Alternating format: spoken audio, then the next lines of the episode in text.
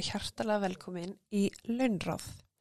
Ég heiti Þórdís og í dag ætla ég að fjalla um mjög skemmtilegt mál um, en það er um að Nicholas Barclay og ég ætla bara að vinda með beint í máli.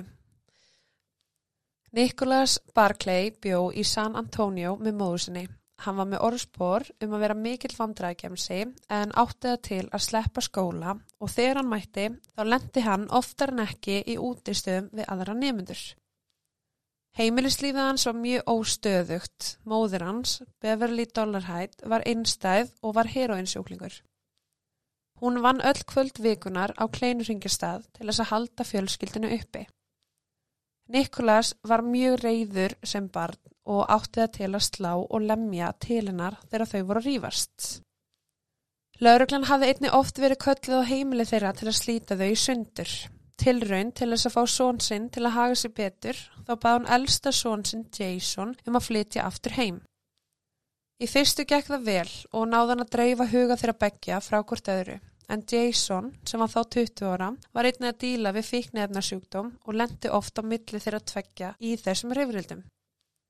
Þann 13. júni árið 1994 yfirgaf 13 ára Nikolas heimili sitt í San Antonio í mjög reyðurskapi eftir að hafa rífist um móðusina.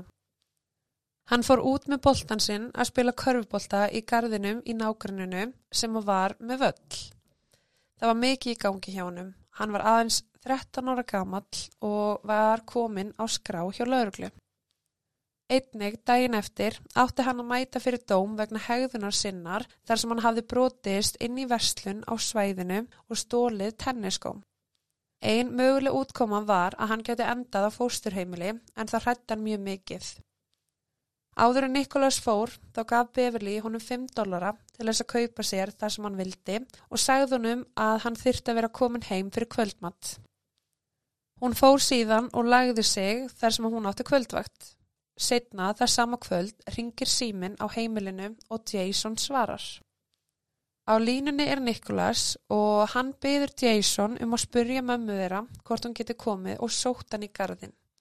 Jason sagði honum að hún var enda á sofandi og hann þyrti bara ganga sjálfur heim en Nikolas komst þó aldrei heim fyrir kvöldmatt.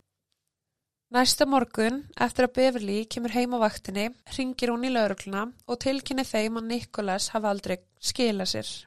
Hann átti sögum að stinga af og lauruglumennir voru ekkert beint að taka svo alvarlega þar sem að þeir vissu, jú, að þannan dag ætti hann að mæta fyrir dóm og því kalt hannislegt að hann væri allt í einu tindur. Þeir sögðu Beverly að hann myndi skila sér á endanum en það hafði hann gert þetta nokkru sinnum áður og hann getur ekki verið lengi að flóta. Beverly hugsaði með sér að eitthvað sleimt hliti hafa komið fyrir og að eitthvað meira væri í gangi en hann að losa sig undan ábyrð.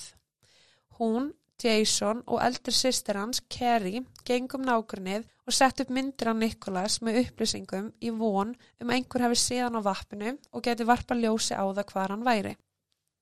Þau gengu einni hús í hús og tölu við nákvæmna. Lörglann hafði samband við nákvæmna fjölskyldunar og margir hverjir sögðu frá því að það væri öskur og leiti nánast daglega sem að kæmu frá heimilinu. Vikur liðu og ekkert var að frétta varandi Nikolas. Hvarfið hans fekk litla sem enga aðtegli frá fjölmjölum og fannst fjölskyldinni hans eins og það væri engin áhug til staðar til þess að skoða máli hans nánar eða hjálpa til við að finna hann. Þeim var í raun alveg sama um 13 ára ljósara strákin með bláu augun sem að hafði horfið úr nákvæmninu. Nikolas var einnig greindur með ADHD og átti mjög auðvelt með að treysta ókunnu fólki.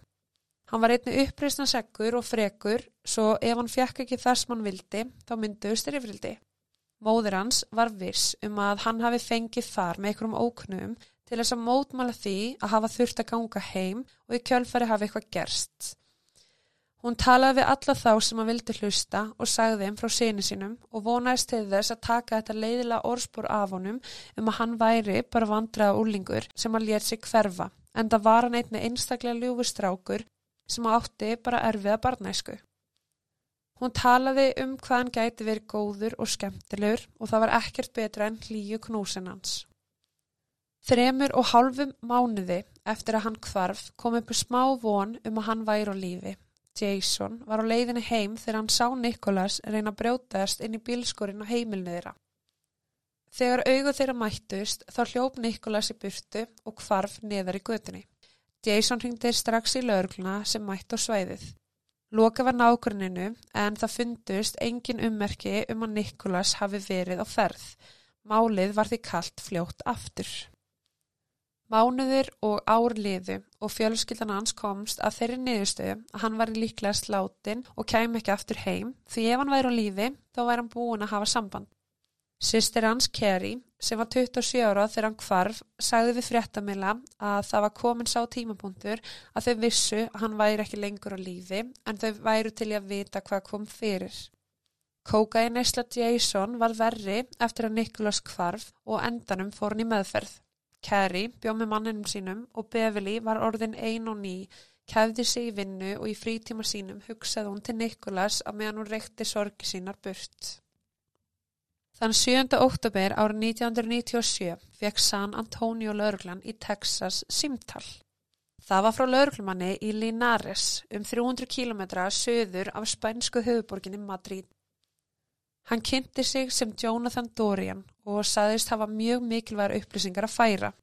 Nicholas Barclay væri fundin á lífi gangandi um götur Linares. Jonathan sagði að eftir yfirheyslu hafa hann verið sendur á barnaheimili í útkværum bæjarins þar sem hann myndi býða þar til að fjölskyldan myndi hafa samband. San Antonio lauruglan fekk heimilisfangið hjá barnaheimilinu og hafði strax samband við Beverly til að segja henni fregtinnar. Þeir ringd á vinnustæðin hennar en hún var ekki vinna það kvöldið svo samstarfsfélagi tók niður númerið og heimilisfangið og ætlaði að koma þetta í skila.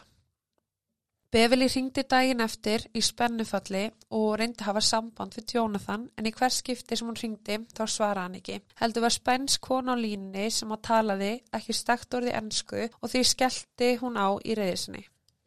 Eftir nokkra daga ákvað Kerry að ringja og aðtúa með Nikolas. Jonathan svaraði loksinn símanum og sagði henni frá því að Nikolas sæti akkurat fyrir framannan á þessari stundu en hann var ofrættur til þess að tala við hana í síman. Með sterkum frönskum hreim sagði lauruglumadurinn að honum hafi verið rænt frá heimili sínu í San Antonio og tekin um alla Evrópu. Hann var barinn og kynferðislega misnótaður ásamtí að vera seldur til allskins barnanýðinga. Hann hefði því ekki átt síðustu ár sæl. Nikolas myndi líti eftir lífi sinu í bandaríkjunum. Kerry fór að gráta og Jonathan hjælt símanum að Nikolas svo hann geti sagt honum hversu mikið hún elskaðan. Hann kvíslaði tilbaka, takti mig heim. Fjölskyldan fór strax í það skipulegja ferðalæðið hans heim. Þar sem Befli var hrætt við að fljúa á hvað Kerry að taka skarið að ferðast til spánar til þess að koma honum heim. Þau áttu ekki mikla peninga, svo vinnustæðurinn hennar Kerry tók sér saman og sapnaði peningum til þess að hún geti ferðast. Þau borguðu undir hana flug og af stað var hún farin. Þetta var í fyrsta skipti sem Kerry var að ferðast utan bandaríkjana og var hún mjög stressuð fyrir ferðalæginu en spennan kefði hræðsluna þar sem hún var að fara að hitta litlubróðu sinn sem hún taldi vera lunguð farin frá henni. Einni viku eftir að símtali barsteim var Kerry komin til spánar. Á flugvellinum tóku starfsmenn barna heimilisins á mótinni og keirðana niður moldveina í átta heimilinu. Hún hugsaði með sér hvað hann hefði gengið í gegnum og vildi helst ekki hugsa um það. Þegar hún kom þangað hitt hún restina af starfsfólkinu í gardinum sem var í miðju heimilisins. Hún leiti upp á byggingarnar og í einu herbygginu sá hún glitta í Nikolas í gegnum gardinuna. Hún vinkaði til hans um að koma niður svo þau getur hýrst. Það tók hann tíu mínútur að fá kjarkin til þess að hitta sýstu sín á ný og þegar hann kom var hann í víðum fötum með klút, solkleru og derhúi. Hann gekk upp að sýstisunni og meðan hún skoðaði andint hans vel og vandlega, snerti nefið hans og sagði, þú er með sama nef og patt frændi. Þau knúsust og Nikolas kvíslaði til hennar hversu mikið hann elskaði hana. Þau tvö voru síðar leitinn í hljóðlátt herbyggi þar sem Kari síndónum myndir af fjölskyldinni sem hafði verið teknar á meðan hann var í burtu. Nikolas neytaði að segja frá því hvernig hann endaði á spáni og vildi helst ekki tala um atbyrjuna sem að höfðu átt sér stað í gegnum þessi þrjú ár. Hún vildi alls ekki þvinga hann í að rifja upp þessar ömulegu aðstæður og var bara sátt við að hann var loksins komin aftur til þeirra. Kerry held í hendina á honum á meðan að þau sátu hlifi hlið og hún strauki við tattuð hans sem var á milli fingrun hans með stafnum T. Eftir að hafa tekið sinn tími að kynnast á ný, eins og mælt var með á spænskum sálfræðingum, þá byrjuð þau að skipulegja ferðalagið heim. Hann var ekki með vegabref og innflýtinda eftirlitið vildi ekki hleypunum inn í landið.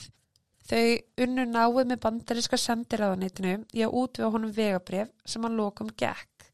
Í staðin bað fulltrúi FBI, Nancy Fisher, um að Nikolas erði yfirherður þegar hann kemur tilbaka til þess að reyna að ná að finna út hverjur það voru sem að höfðu röndunum. Þann 4. november árið 1997 var Nikolas komin heim og mættur á skrifstofuna hennan Nancy í National Center for Missing and Exploded Children í San Antonio.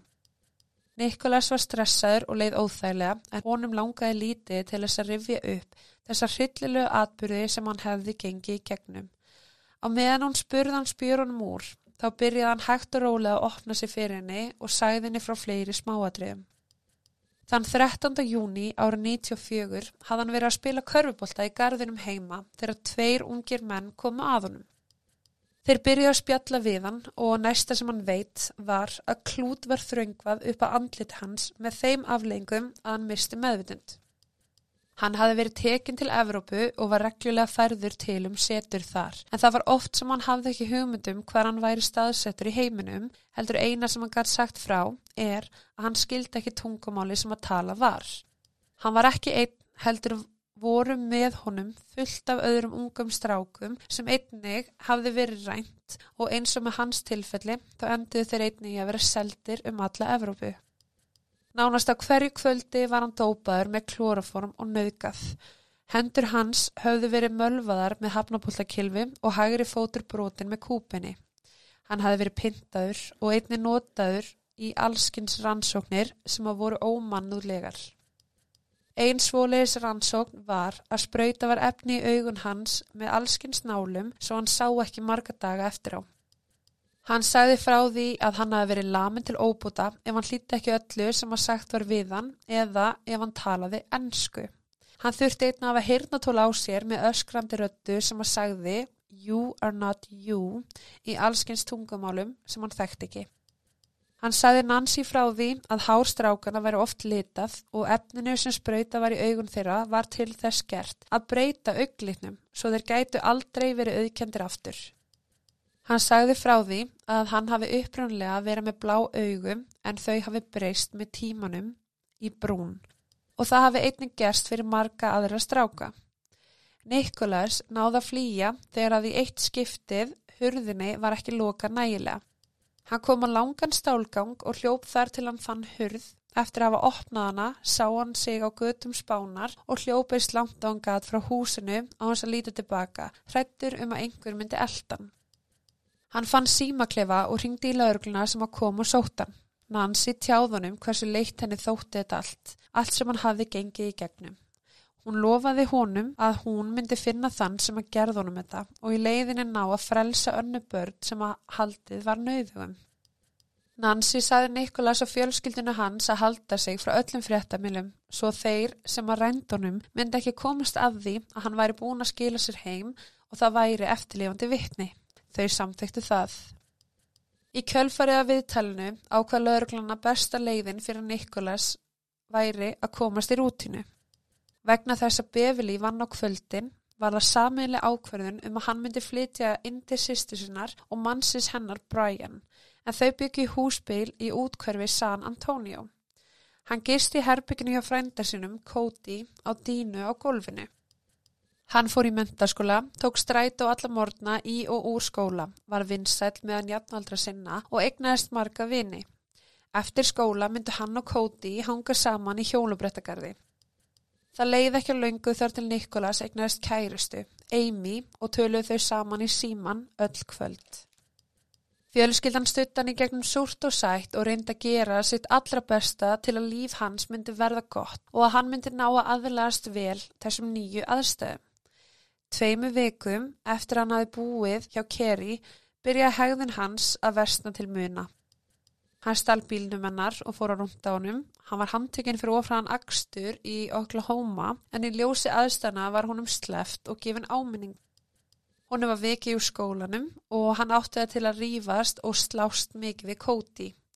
Það var svo sem ekkert ólíkt fyrir hegðunans áður hann hvarf og fjölskyldan fyrirgaf honum í hver skipti og kendi manns ráninu um að hann væri að díla við marga djöbla. Nikolas flutti aftur inn til móðusinnar eftir þetta atvik. Einu fjölskyldi meðlemurinn sem að hafði ekki enn hitt Nikolas var eldri bróður hans Jason en hann hafði verið inn og úr meðferð síðustu árin og var meðferð heimili þegar hann kom tilbaka. Seks vikum eftir hann kom heim hittust þeir loksins þegar fjölskyldan helt grillveislu. Jason heilsaði Nikolas, horfið á hann upp og niður og var að velta fyrir sér hlutum en vildi ekki knúsan. Eftir nokkru mínútur þá bað Jason hann um að koma með sér afsýðis þar sem að þeir gætu spjalla saman í einrúmi. Hann gaf hann gull kross og sagði good luck og gekk sér í burtu og skildi Nikolas eftir gáttaðan. Þrátt fyrir að fjölskyldan hafa mestu haldið því að sér að Nikolas væri komin heim þá breytist orði fljótt út. Fréttablöð á svæðinu byrtu myndir af Nikolas á forsiðu blæðsins með fyrirsögninni Missing San Antonio Teen Found in Spain has reunited back with his family. Í november ára 97 ákvað framlegandi hardcopy sjómars þáttana að ráða engarspæra til þess að grafa dýbra í málið. Hann hétt Charlie Parker og var fyrrum lauruglumæður með sérstakann áhuga á týndu börnum. Eitt daginn ringd hann í Nancy Fisser til að fá upplýsingar um Nikolas en honum langaði til að spjalla sjálfur við hann. Hún staðfesti sögun hans og sagði að það væri satt að barn væri búin að skila sér í hendur fóruldra sinna eftir þryggjára fjárfuru. Hún vildi hins vegar ekki segja nafnið ánum nýja fjölskyldans. Charlie ákvað þá að fara í gegnum öll börn og táninga sem væru týnda á þessu svæði og kom augum að Nikolas Barclay. Hún fann út númeri hjá Beverly sem að staðfestið að viðan að sonurinnar hefði snúið tilbaka. Þrátt fyrir að Nancy hafi beðið þau um að ræða ekki við bladamenn þá samþekti Nikolas sjálfur að fara í sjómarsviðtal. Hann satt heima hjá sér í stofinni á meðan myndatökumenn sett upp tækin sín. Hann var í ljósbrúnum leðurjakka með sólgleru og hatt. Hann útskýði smáadriði fyrir fréttaþulinum og Charlie var á staðnum að fylgjast með. Charlie var á fymtusaldri og þegar hann horð á Nikolas segja sögu sína af stanslausri nöðgun þá fannst honum eitthvað ekki alveg passa. Hann hafi lengi vel unni með börnum og sérstaklega í kringu börn sem hann voru tínt. Það var mikið ósamræmi í sögans. Í fyrsta lagi talaði Nikolas með franskum hreim en hann útskýrði að það væri aðala vegna þess að honum var ekki lift að tala ennsku á meðan að honum var haldið nauðugum. Á meðan hann var í húsinu þeirra þá sá hann myndir af Nikolas frá því að hann var yngri og öðrum fjölskyldu meðlumum. Hann tók eftir því að augliturinn var allt öðruvísi en það var nýji Nikolas með brún augu. Hann mann þó eftir grein sem hann las en það var um hvernig Skotland Yard hefði auðkjent morðingja Martin Luther King, James Ray á London Heathrow flugvöldunum með því að bera saman myndir af eirumanns því eiru eru jafn sérkennileg og fingrafur. Setna þann sama dag þá fór hann í tölvuna sína og bar saman myndir sem að teknar voru viðtelnu við myndina af honum sem að send var út um allt þegar hann Nikolas týndist. Með því að nota Adobe Photoshop var hann að setja saman eiru þessar að tveggja mynda. Þau voru nokkuð lík en pössuð ekki 100% saman. Hann hafði ekki hugmyndum hver það var sem að gaf viðtali þennan dag en Charlie var handvis um að þetta væri ekki hinn raunverulegi Nicholas Barclay.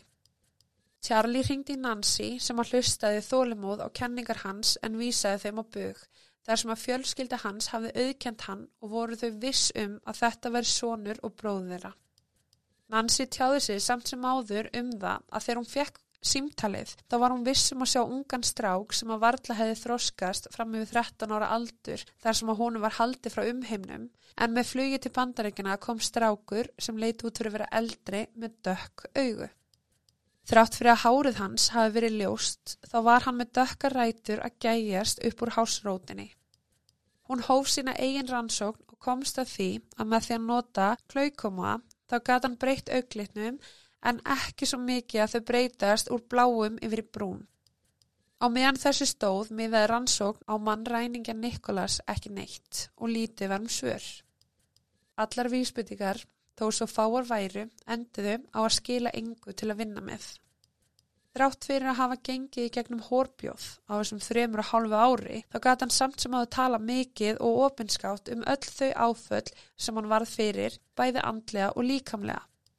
Nikolas myndi samt sem áður ekki hvernig gerandin leit út, á hvaða gutan endaði þegar hann loksist náðu strjúka, hvernig húsi var eða neitt sem að gæti hjálpað við rannsóknina sjálfa.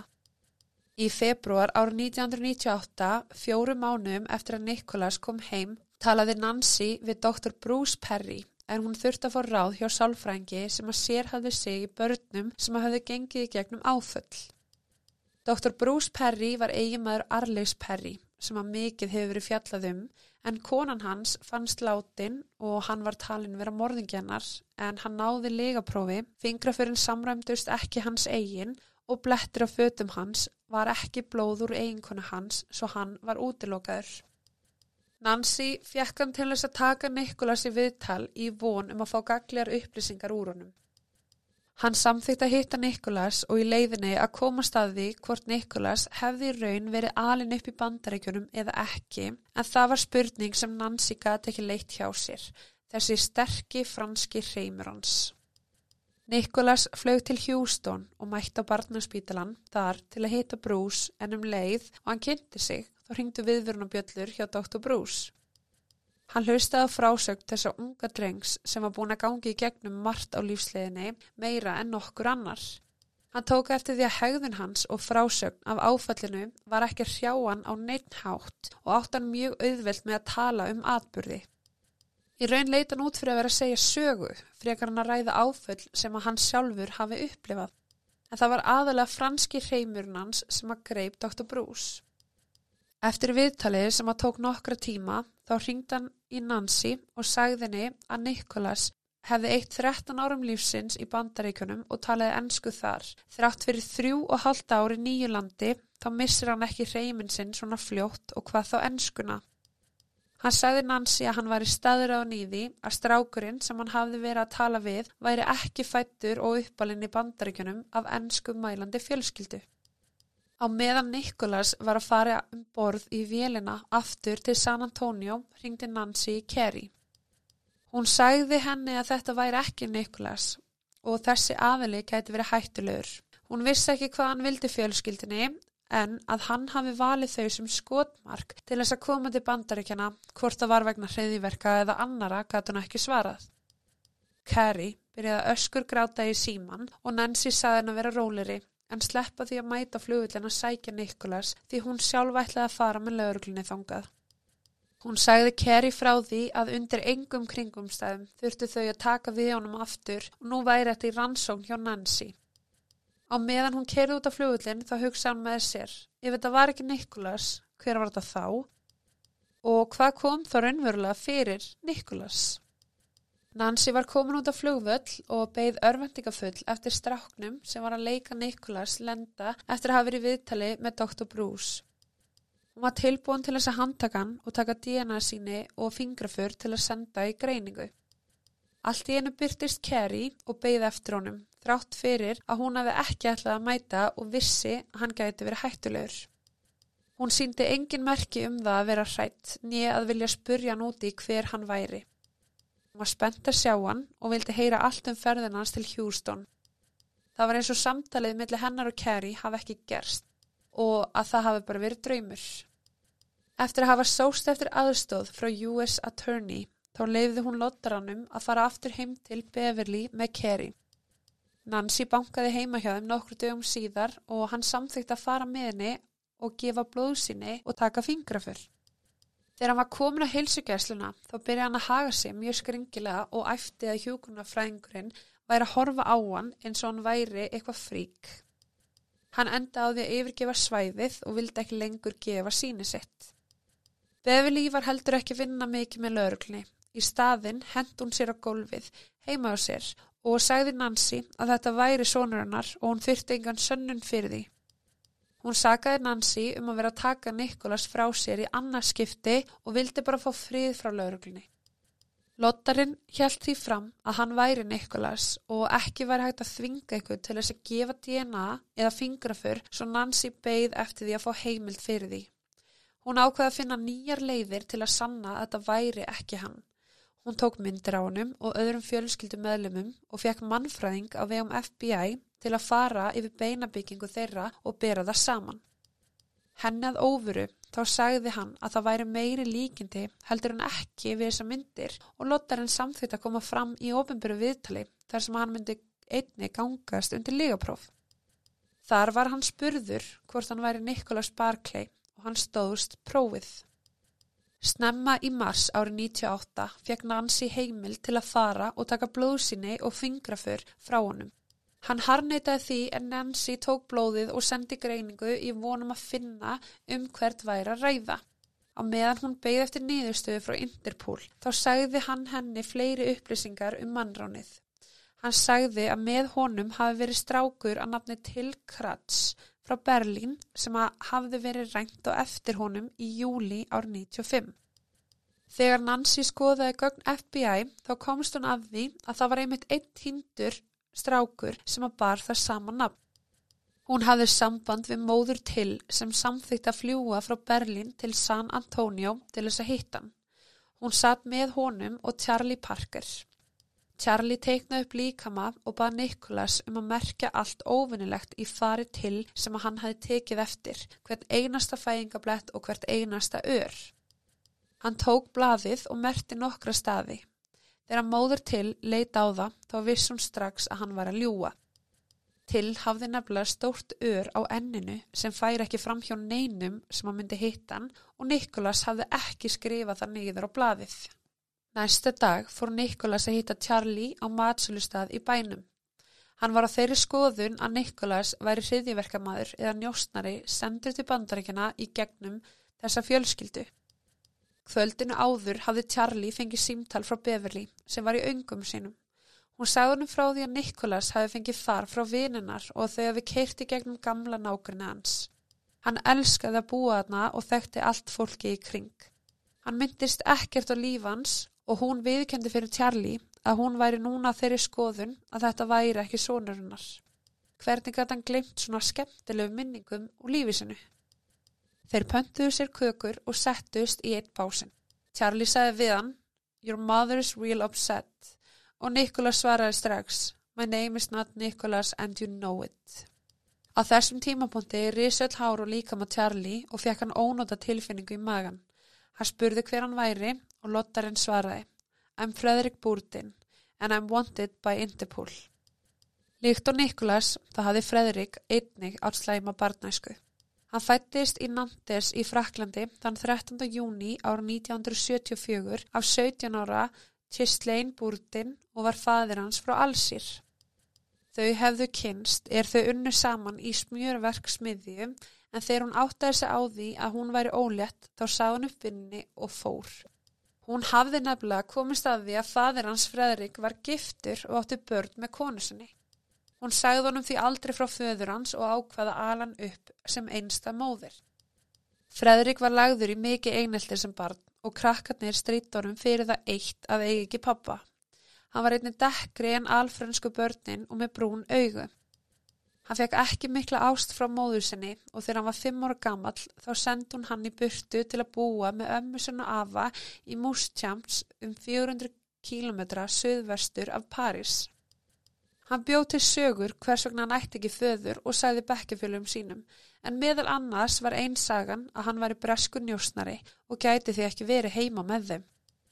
Á tólta ári var hann erfiðar í meðhundlun, svo ákveði var að senda hann á heimili fyrir ung börn með hegðunavanda í Nantes. Fredrik fannst tími sinn þar mjög skemmtilegur og bjóð þar til 16 ára aldurs þegar hann var fluttur á heimili fyrir eldri krakka. Þar byrjaði hann að streytast á móti lífinu og ótti það til að stinga af en var alltaf sóttur á lauruglunni og sendur tilbaka. Hann byrjaði að ljúa lauruglunni, sagði þeim nokkrar ótrúverðuar sögur og beði spendur eftir viðbröfum þeirra. Honum dreymdum lífi í Englandi og einn daginn sem hann strauk af heimilinu þá fannst hann lengst upp í fjallin álagt París og sagði lauruglunni að hann væri bresku táningur að nafn Jimmy Sale. Lauruglan fattaði fljótt að hann talaði litlega sem enga ennsku og hann játaði hver hann var og var enn og aftur sendur á heimilið. Þegar hann var 18 ára gamall þá var hann loksist laus og útskrifaður af heimilinu til þess að fara og byggja sitt eigi líf.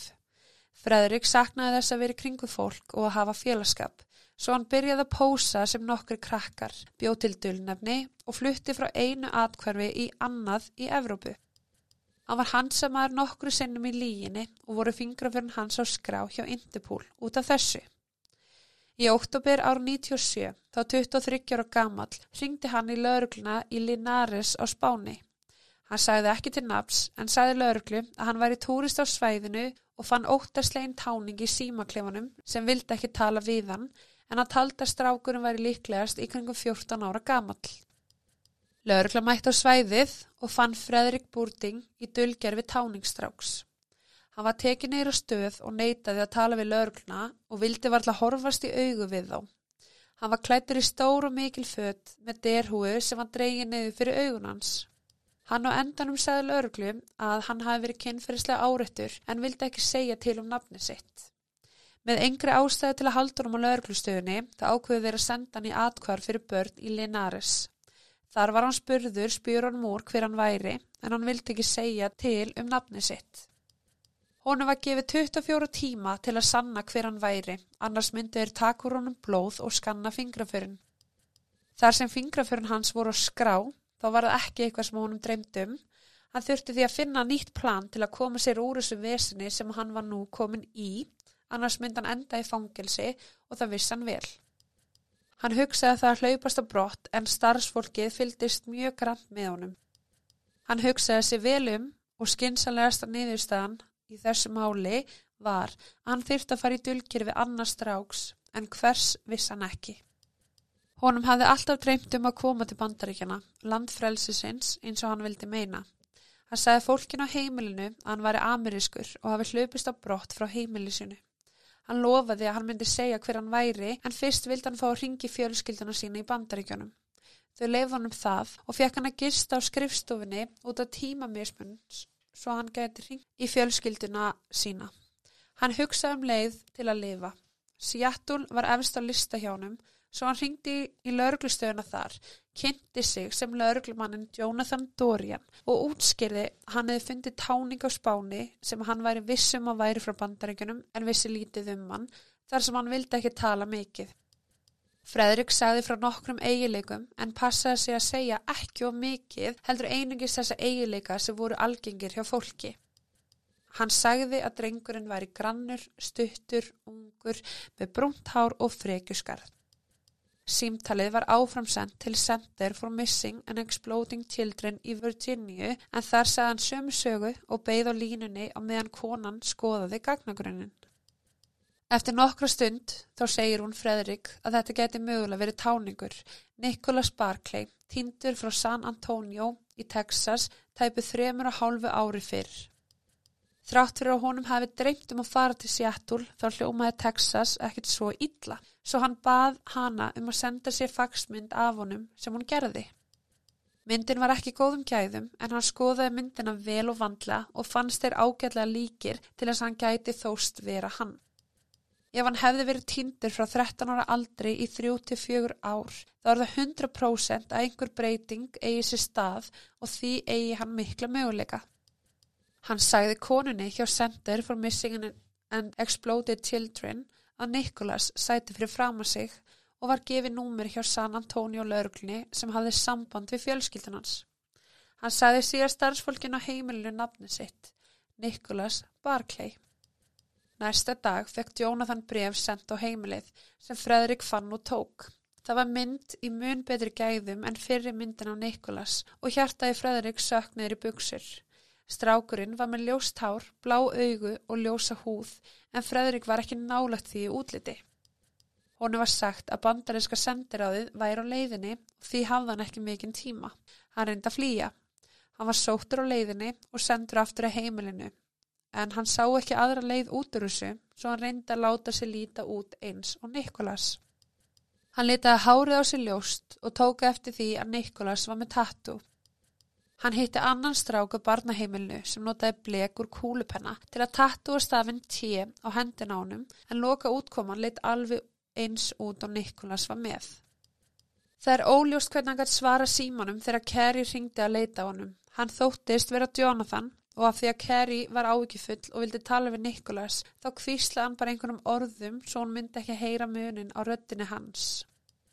Næstu daga var hann um sagt að Kerry væri á leiðin að sækjan til að koma honum aftur heim.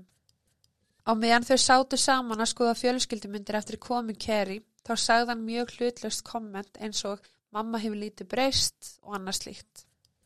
Hann trúði ekki að hann væri komin svona langt með að blekja en átti sem stærsta prófið eftir að sanna sig fyrir sendiráðinu. Sá sem ákvæða hvort hann fengi að fara aftur til bandaríkjana eða ekki var mjög evins um að þetta gæti verið hann. Hann skipaði því að honum eru síndar fimm myndir frá fjölskyldinni og átti hann að segja frá því hver þetta væri á hverri mynd fyrir sig en þar sem að dómarum vissi ekki var að Kerry hafi nú þegar sínd honum þessa myndir. Hann stóðst fjórar af fimm myndum og var það því samþygt að þetta væri Nikolas Barclay. Kerry trúði því jafn mikið á hann og hjælta ástæðan fyrir því að hann talaði með frönsku hreim var einfallega út af áfallinu sem hann hefði orði fyrir sem og að hann hefði ekki mátt tala ennsku í þessi þrjú ár. Og hún hjælt bara að fólk myndi almennt gleima tungumálnu sem það leggur ekki áherslu á í dagstaglegu lífi. Þann 17. oktober ára 97 var Nikolas myndaður og fekk hann vegabrif svo hann er frjáls ferðarsinna. Þegar hann kom í Texas var hann gáttaður að fjölskyldan tók honum svona vel. Hann bjóst bara alls ekki við því. Þrátt fyrir að honum hafi dreymt um að búa í Stórborg þá leið honum vel.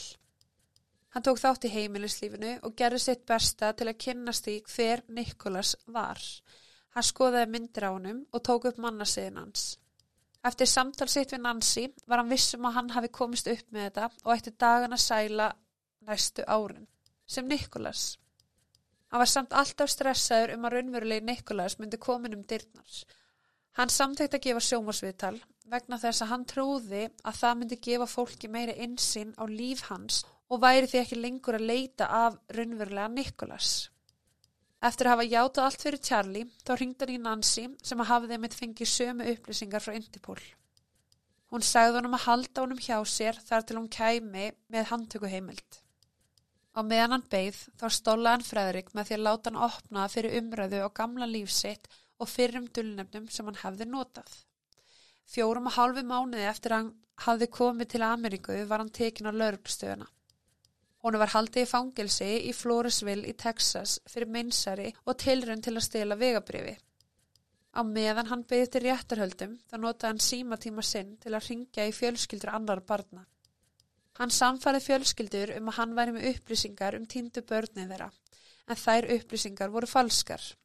Þegar spurður í viðtali hvers vegna hann gerði þetta, þá svara hann því ekki. Fjölskyldanast Nikolas var í sáru sínum enn á nýjum, en í þetta skipti hafði mist Nikolas tvísvar.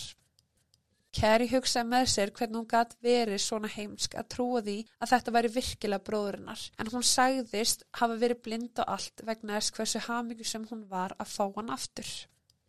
Á meðan Fredrik var í fangilsi þá hafði hann mikinn tíma til þess að fara yfir lífsitt sem Nikolas. Hann gorti sig á því að hafa fengið fjóra mánu á hans að þurfa að svara erfiðum spurningum. Þegar hann leita aftur um tíman Þegar hann heiti Kerry fyrsta skipti þá hugsa hann með sér hversu mikil tilviljun það var að Kerry hafi sínt honum þessa myndir og sagt honum frá öllum fjölskyldi meðlemum. Hann hugsaði einnig um grillvisluna þegar Jason hafi sagt við hann good luck og saði ekkert meir eins og hann hafi vitað að þetta væri ekki Nikolas. Fredrik skildi heldur aldrei hvers vegna Beverly var svona rosalega mikið á móti því að blóðið hans er tekið í greiningu en það myndi hann láta gera það sjálfur ef hann væri hennar stöðu. Sérstaklega þegar það var verið að efa að þetta væri sonurinnar til að byrja með. Beverly kom í fangirsi til að heimsækja hann og eftir heimsókn þá ringd hann í lauruglunni í San Antonio og sagði frá því að Nikolas væri látin og hann vissi hvað þið gerst. Lauruglan hlustaði á hann á meðan hann útskýrði fyrir þeim að Beverly hafi komið í heimsókn og játa morðið á sinni sínum á samt Jason. Hann sagði einni frá því að eitt kvöldið hafi Beverly orðið mjög full og byrjaði öskra á hann. I know that God is punishing me by sending you to me. I don't know who you are, why the fuck are you doing this? Þetta lit laurugluna að opna mandrapsmál varandi Nikolas. Fjölskylda Nikolas var reyði við því að lauruglan myndi trúa orði af því sem hann lottarinn var að segja. Beverly neytaði að hafa sagt Fredrik að hún og Jason veri ábyrg fyrir kvarfinu á Nikolas en þrátt fyrir það þá trúður Nancy og Charlie fullerningum hans Fredrik og ákvöðu að frekari rannsókn ætti að vera gerð. Það var þeirra skoðun að þegar að Jason segist að hafa séð bróðu sem Nikolas að brjótast inn mánuðum eftir hann kvarf að þá hafi það verið gert til að vilja fyrir um að Nikolas væri enn á lífi. Beverly var tekin í ligapróf og í fyrstu var hún spurð hvort hún vissi hvar Nikolas væri niðurkomin. Hún sagði nei og náði prófunu. Nancy var ekki svo sannferð svo hún létt endur taka prófið og Beverly stóðst það líka en í þriðja skiptið fjall hún illa prófunu. Sá sem að tók prófið hjælti fram að Beverly vissi vel, mæta vel, hvar sonurinnar væri niðurkomin og hvað þið gengið á. Það endaði með því að Beverly hljóp út úr herbygginu öskrandi. Hún hjælti fram að ef að Jason hefði gert eitthvað við Nikolas þá vissi hún ekkert af því. Nancy trúði að hún hafi staðist prófin í fyrstu tvö skiptin vegna þess að hún hafi verið undir áhrifin fíknefna en í þriðja skiptið var hún það ekki. Í viðtölu við Jason virtist hann vera sinnulegs og mjög áhuga laus gagvart kvarfi bróður síns og Nancy fekk mjög sterkan grun um að Jason hefði átt þátt í kvarfi bróður síns. Nokkrum vikum síðar lést Jason vegna ofskamts. Eftir að hafa verið án eitilifi meir en ár töltur Nancy og Charlie að það væri sjálfsvík. Þegar Charlie spurði Beverly skoðun sín á því þá sá hún einfalla að ég veit það ekki. Morðrannsókninni var lokað vegna skors og sönnugögnum. Það voru engi vittni, það voru engin DNA sönnugögn eða sönnun að Nikolas Barclay var í látin. Saksóknari komst að þeirri niðurstöðum að dauði Jason hefði útilokað möguleikan á því að máliðans Nikolasar yrði nokkur tíman leist. Kerry fekk tauga áfall eftir handtökuna og var reið. Hún sæði ofinberlega að Fredrik hefði látið ganga í gegnum margt, svo hvernig gæti hann gert þetta? Hann væri í fangelsi nú þegar og væri að valda miklum sásöka fyrir fjölskyldina. Charlie ákveð samt sem áður að hefja sína eigin rannsókn á málinu. Hann var vissum að einhver í fjölskyldinu væri ábyrgur fyrir kvarfin á Nikolas. Hann mætti á fyrrum heimili fjölskyldunar þar sem að Beverly og fjölskyldan var fluttu út sem að Nikolas hefði áður búið og talaði við nýja eigandan. Þar fór hann með hann út í bakarinn og sínd hann um blett í horninu við girðinguna og útskýrða þegar hann flutt inn þá myndi hundurinn þeirra stöðut grafa á þessu svæði. Hann var að slá grasa í daginn þegar hann fann stykki af gummidúk í jörðinni. Með hjálp eigandan skróf Charlie upp svæði sjálfur en tókst ekki að finna neitt sem var þar undir sem ætti að hafa tengst kvarfinu á Nikolas.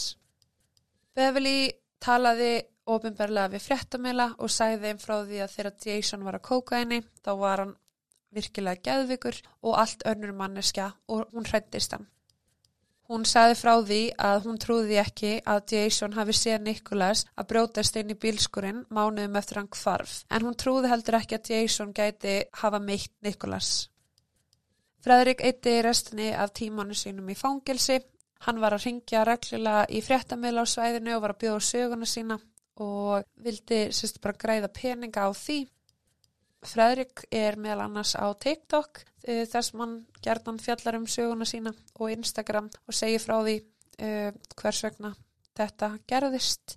Hann á börn í dag og fjölskyldu og það er, já, mjög áhugavert að sjá það að hann er bara allt annar maður í dag en á samanskapi er hann á lífi ykkur að gera sitt. Það er eitthvað búið að gera heimildamind sem að heitir The Impostor sem að fjallar um þetta mál. Og svo hafa einni komið upp nokkrar kenningar um það hvað í raun og veru gerðist fyrir Nikolas. En það er sérst talað um að Jason eða mamma hans hafi gert eitthvað. Um, Mamman hún síndi yngar tilfinningar, líkamstjáningin hennar var mjög skrítin, hún leit mikið frá myndavillinni þegar þessi heimildamind var gerð, hún vildi ekki gefa blóðsynni, uh, vildi ekki að hann myndi gefa blóðsynni, hegðun hennar þegar báðanum um það var mjög skrítin og það er talað um að hún gæti mögulega hafa vita hvað varðum Nikolas og þess vegna vildi hún ekki gefa blóðu sinni að því hún vildi að fólk myndi halda að þetta væri raunverulega hann og enginn myndi þá fara og leita af Nikolas. Eh, það talað um að sýstir hans að hún sé að segja satt, hún hafi ekki hugmynd um neitt, henni grunaði ekki neitt um, og þetta var bara virkilega leiðilegt atvik fyrir hana. Bróðurinn, uh, hann hittir hann þannig eftir hann kemur, hann segi gangið vel uh, eins og að hann viti nákvæmlega að þetta sé ekki bróður sinn. Og hvernig veit hann það, annað en að vita að bróður hann sé ekki á lífi. Um, hann hafi náttúrulega verið í meðferðarna í ykkur mánu áður, þannig að það er náttúrulega líka tala um bara að, að móður hans og Jason, allavega Jason vissi hver bróður sinn væri uh, og þau hafi komið honum fyrir ykkur starf svo náttúrulega getur verið bara kenningin með það að húnum hafi einfallega verið þannig að hafi alveg talað verið seldur uh, í barnaþrælkun eða í einhvern í einhvern ring uh, eða þá einhver hafi rænt honum einfallega og drefi hann sé tækifærið og að það hafi farið svo. En Nicholas Barclay hefur ekki verið fundin í dag og það er ljóst að hann er uh, látin, það er talað um að hann, hann sé ekki á lífi, það er ekki gert ráð fyrir hann sé hann þá á lífi en engin veit til dagsins í dag hvar hann er niðurkomin og já, þannig er málið. Ég segi þá bara takk í dag, takk og bless og þar til næst